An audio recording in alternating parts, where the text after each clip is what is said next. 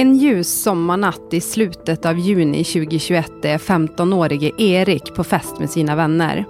Han vet inte att den här kvällen ska komma att förändra hans liv. Eh, och det ligger en person på, på grusvägen. Eh, och framför den här personen som ligger raklång så står det då en epatraktor. Jag tror han vart rädd när han insåg att oj, jag har skadat en person för att jag inte tänkte. Om de inte lättar på trycket så skulle inte jag klara mig. Så här, man såg bara svarta moln. Så vart det liksom svart. Erik kommer inte börja på gymnasiet till hösten och efter den här kvällen ska han komma att stå öga mot öga med sin bästa vän i en rättssal. Du lyssnar på Brottsplats Norrbotten. Det här är avsnittet om A-traktorolyckan.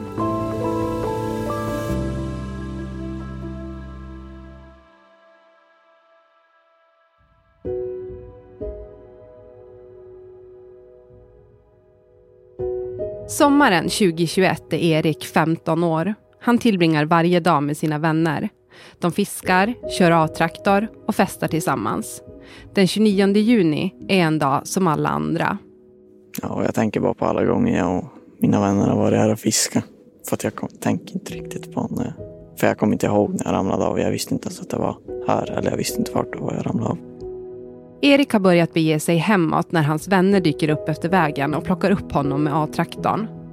Ja, då var vi på någon fest på Hertsön och sen så hade jag tydligen börjat vandra till Bjurspen, alltså där jag bor. Och sen så hoppade jag in i epan igen vid busshållplatsen vid Bjurspen. Trion bestämmer sig för att åka till Revelsudden. Jag antar att ja, min vän, han som körde, eller ja, han som, han som ägde epan, han hade ju också druckit men ja, han ville ju jag vet inte vad det var, han kanske ville köra eller vad det nu var. Och sen så åkte vi in hit och så skulle han köra och sen så hoppade jag på flaket. Samtidigt är polisen Erika Arklöv i Luleå precis på väg att kliva av sitt skift för kvällen. Hon har börjat förbereda sig för att åka hem. Förmodligen hade vi börjat runda av. Kanske var på väg hem redan i, i tankarna. Eller om vi var på stationen och, och var på väg hem. Då kommer det ett larm. Det är en trafikolycka och att det, det finns personskador. Det, det, är ungefär det man får. Eh, ganska korta informationsklipp. Det är Erik som har ramlat av flaket på A-traktorn. Det är min patrull och så är det en till bil som åker. Eh, och jag vet att det är två ambulanser också som far. Eh, så vi kör ju dit och på vägen fram så får vi ju återkoppling från SOS hela tiden. Eh, hur det ser ut och, och hur många personer som är där. Ehm, och när vi, när vi kommer fram så vi ligger precis bakom ambulansen hela tiden. Eh, en av ambulanserna. Och när vi kommer dit så är den andra patrullen och en, en till ambulans redan på plats. När Erika Arklöv kommer till Revelsudden ser hon Erik ligga på marken bredvid A-traktorn. In till grusvägen så ser man hur det är bromsspår eller sladdspår i gruset på vägen. Eh, och eh, där står ambulansen då parkerad eh, och polisbilen. Eh, och det ligger en person på, på grusvägen. Eh, och framför den här personen som ligger raklång så står det då en epatraktor. och där står också två unga killar utanför. Tidigare under kvällen har den tredje kompisen som inte druckit någonting agerat chaufför och kört A-traktorn. Men inne på skogsvägen som leder ner mot Revelsudden har Eriks bästa vän satt sig vid ratten. Han ropar till Erik att kliva av flaket, men det gör inte Erik. Trots att Erik inte klivit av trycker kompisen på gaspedalen. Jag vet att vi, vi får prata med de här killarna som står utanför. Eh, alltså står vid, vid killen som ligger ner. Eh, kompisar eh, till mannen. Vi får prata med dem och försöka eh, flytta dem ifrån eh, killen som ligger från marken så att ambulanserna kan jobba eh, ostört. Eh, och det är ju svårt, för det här är ju personer som vill hjälpa sin vän. Eh, och det är, de vill ju veta vad som händer. De är ju jättenyfikna och oroliga givetvis. Eh, och, och, vill se liksom vad som händer. Eh, så vi får ju börja med att flytta på dem så att ambulansen kan göra sitt jobb och de bestämmer väl ganska direkt att, eh, att de ska transportera mig till, till sjukhuset. Erik har fått svåra krossskador på vänster sida av huvudet med omfattande hinblödningar som följd. Smällen har orsakat en svullnad som nu gör att hans hjärna riskerar att drabbas av syrebrist om inte Erik får avancerad sjukvård fort. Och när vi kommer dit så ligger han raklång eh, och jag hör att han rasslar och att andningen är påverkad. Eh, och det kan ju betyda väldigt mycket saker. Eh, men i och med att ambulansen redan är där så behöver inte vi utföra någon, någon sjukvård. Ganska direkt så säger föraren att, att det är han som har kört. Eh, och ja, men att han har druckit alkohol. Erik har också brutit fyra revben och hans ena lunga har slagits sönder i samband med fallet. Han har dessutom fått flera frakturer på bäckenet och inre blödningar. Jag bara låg där. Så, eller ja, vad jag har sett på bilderna så låg jag bara där. De gjorde ett bra val att ringa till ambulansen i tid så att jag inte låg där och dog långsamt. Erika Arklöv berättar att den andra polispatrullen tar hand om Eriks kompis medan hon själv får i uppdrag att förhöra den tredje kamraten, vittnet. Hennes kollega får till uppgift att kontakta Eriks föräldrar. Och jag vet att det, det är ett samtal som var, var väldigt jobbigt och tog mycket energi. Eh, och det är väl någonting man får, man får ta med sig. Eh, och så är det oftast att lämna liksom jobbiga besked. Eh, det är jättejobbigt att säga det men, men man måste liksom göra det. Eh, och vilket sätt man än, man än gör det på så, så måste man vara rak och tydlig. Liksom. Man får inte bädda in, eh, bädda in saker. Utan man måste liksom säga raka saker. Eh, hur jobbigt den är och hur onaturligt den känns. Liksom. Erik flygs till Umeå där han vårdas i flera veckor. Ja, då var det någonting om att om de inte lättar på trycket så skulle inte jag klara mig till, ja, till Umeå som jag skulle från första början.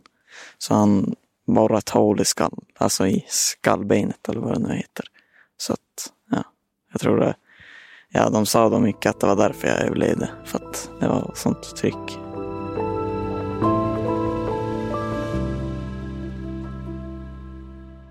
Ja, jag heter Lina Modig, jag är 17 år och bor i Luleå.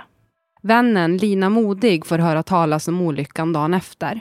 Sen på morgonen på söndagen så vet jag att alla la ut på sina Snap stories och typ krya på dig och jag bryr mig om dig, allt sånt där. Och ganska snabbt kom det fram vad som hade hänt. Alltså det var inte så mycket snack så, utan det var mer bara att man märkte så fort man ja, men, skulle träffa någon att det var som ett mörker i luften. Att man jämt liksom tänkte på att ja, hur är det med Erik? Hur är hela situationen? Så man pratade ju liksom inte så mycket om det. Eh, mer än i början. Eh, sen mot... Efter några dagar så var det mer att man bara tänkte på Erik. Hur han mådde. Hur han hade det. Hur han kände. Hade han ont?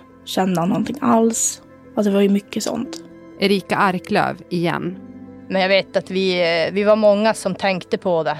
Eh, passet därefter och sådär. Och, och frågvis om det är någon på stationen som har, har hört någonting och vet liksom hur det är med den här killen. Eh, för det är ju alltid så. Om personen, ju yngre personen är desto jobbigare är det för mig i alla fall.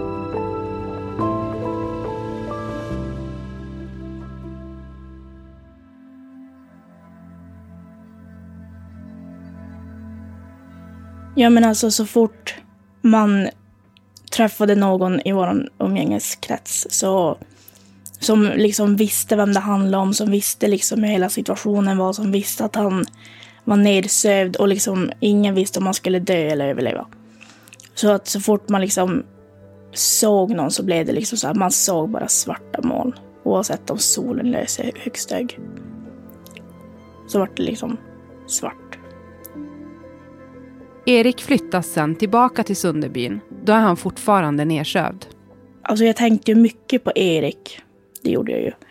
Och jag vet att jag skrev till honom kanske tre, fyra gånger att eh, jag menar att jag hoppas att han mår bra, att allting har gått bra och att han snart får eh, bli väckt eller vakna. Eh, och det vet jag att många andra också gjorde. Och då menar jag många andra. Efter flera veckor nedsövd vaknade Erik upp på Sunderby sjukhus. Jag trodde jag var utomlands när jag vaknade upp. För det såg ut som att det var några sådana där palmer ute vid sjukhuset. Jag frågade tydligen en kvinna där om en snus och så, alltså, jag gav mig inte. Alltså, jag satt bara där och pekade att jag skulle ha en snus. Och så kom syran in och så såg hon att jag hade en prille under läppen. Hon sa, vem är det som har gett ungen snus? Vi hör Lina Modig igen. Ja, jag vart ju glad att det hade gått bra. Men någonstans i min glädje så var det fortfarande sorg för jag visste inte eh, hur allvarliga skador han hade fått. Jag visste att han hade gjort illa huvudet. Det var det jag visste. Lina beskriver Erik som en glad och snäll kille. Han är ganska rolig av sig. Um, han vill alltid se till att liksom, man har det kul när man är med honom. Att han alltid ska göra det bästa av situationen. Vid den här tiden kände Lina både Erik och hans bästa vän. Han är också en glad och sprallig och jätterolig person. Han vill alltid allas bästa. Han ser alltid till att man skrattar. De är ganska lika. Och de två är ju väldigt nära vänner. Så jag vet att när olyckan var skedd så vet jag att han mådde så otroligt dåligt, så otroligt länge. Han hade jättedåligt samvete. Han eh, åt inte för att han mådde så dåligt och jag tror han vart rädd när han insåg att oj, jag har skadat en person för att jag inte tänkte. För att jag var full. Vi har varit i kontakt med Eriks bästa vän och han har tackat nej till att vara med i det här avsnittet. Nej men han, han, är, en, han är en schysst vän. Men vi har inte varit så mycket med varandra på senaste tiden. För han mådde ju ganska dåligt när jag hade gjort det där. Alltså när jag ramlade av flaket. Och så var det många som skrev till honom att det var hans fel. Även fast det inte var det. För att det var ju inte han som bad mig hoppa upp på flaket. Det var ju min egna idé. Det kommer jag ihåg i alla fall. Alltså jag vet att han fick otroligt mycket hat om hur han kunde sätta sig och köra full. Att det var vårdslöst, eh, egoistiskt eh, och massa sånt. Eh, så jag vet att det drog också ner hans mående mer. När han redan visste om vad han hade gjort. Och så är det någon mer som ska komma och liksom peppra på det där. Folk har ju frågat mycket om vad som stämmer och inte. Så då har vi förklarat för dem vad som stämmer och vad som folk har bara kommit på som inte stämmer. Den 4 oktober 2021 åtalas Eriks kompis för grovt rattfylleri, grov vårdslöshet i trafik och grovt vållande till kroppsskada. Brott som för en vuxen person skulle kunna leda till över ett års fängelse. Vännen erkänner rattfylleri men förnekar de andra brotten. Min vän, alltså jag ville ju försöka få så att han inte fick något straff alls men den där jävla domaren förstod ju ingenting. Ingenting. Så man blev lite irriterad. Han satt ju bara och påpekade allt han hade gjort. Under rättegången gör Erik allt för att själv ta på sig skulden för olyckan. Han vill inte att hans bästa vän ska dömas för brott. Ja, nej, men jag vill inte att han, alltså att han som körde skulle få något problem. Eriks kompis dömdes för grovt rattfylleri, grov vårdslöshet i trafik och grovt vållande till kroppsskada. Eftersom han bara var 16 år när domen föll fick han 90 timmars ungdomstjänst. Men jag har ju typ varit familjens svarta lilla får eller vad man nu ska säga. Alltså, det är oftast jag som har kommit på så här rackartyg eller vad man nu ska säga. Det kanske inte var så roligt det som hände men det var väl lika bra. Jag lärde mig. Alltså jag har ju lärt mig någonting om det här. Och det hoppas jag att om jag nu får några barn någon gång att jag kan för, försöka förklara för dem att visst man kan dricka men drick inte för mycket. Eriks gymnasieval var ännu inte färdigt innan olyckan. Alltså, de kom ju ner till sjukhuset när jag var lite vimsig i skallen och så valde jag tydligen måleri. Jag var ju alltså första terminen av alltså gymnasiet, alltså ettan. Då. Jag var ju inte där på första, sen så andra terminen började.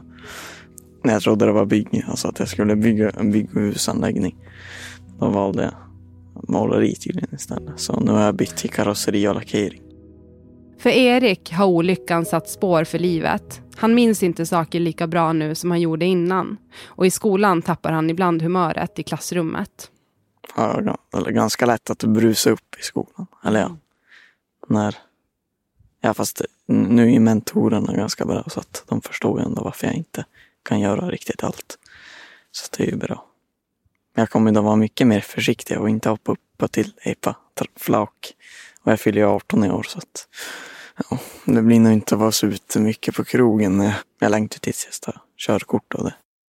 Efter Eriks olycka har Erika Arklöv mött många ungdomar med A-traktor ute i trafiken. Hon försöker bemöta dem på ett så bra sätt som möjligt, oavsett vad det är som har hänt.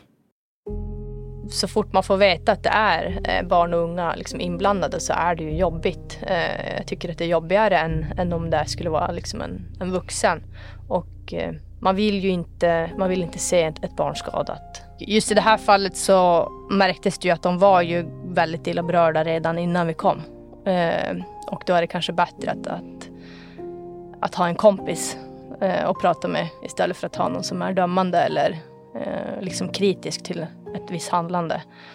Eh, så det blir ju att försöka lugna ner dem eh, och på något sätt liksom ge tröst i, i vad som har hänt. Lina Modig ska snart ta körkort. Hon tar med sig minnet av Eriks olycka in i vuxenlivet. Men jag vet att så fort jag liksom får höra att det är en eh, trafikolycka där en A-traktor är inblandad så tänker jag alltid tillbaka på Erik. Och ja, men jag tänker bara på hur hela situationen var. Hur, hur han var så hjälplös. Det är nog det som har satt sina spår. Vi hör Erik igen. Alltså när jag fick börja vara ute igen, när jag, fått, när jag fick tillbaka skallbenet och det. Då var det ju mycket att, ja men att jag, jag ska börja tänka på vad jag gör och att det finns människor som faktiskt bryr sig om vad jag håller på med. Så att det inte ska hända någon sån där sak igen. Vi har ju varit här innan. Alltså när jag fick tillbaka skallbenet då, var ju, då åkte vi ut och fiskade. Så inte tänker jag så mycket på att jag ramlade av flaket här. Men om jag får barn någon gång då kommer jag åka ner hit och förklara. Här ramlade jag av. Hoppa inte på en flak. Ingen bra idé. Av hänsyn till killarnas låga åldrar har vi valt att enbart berätta Eriks förnamn. Du har hört Brottsplats Norrbotten. En produktion av NSD, Kuriren och PT med mig, Frida Enberg.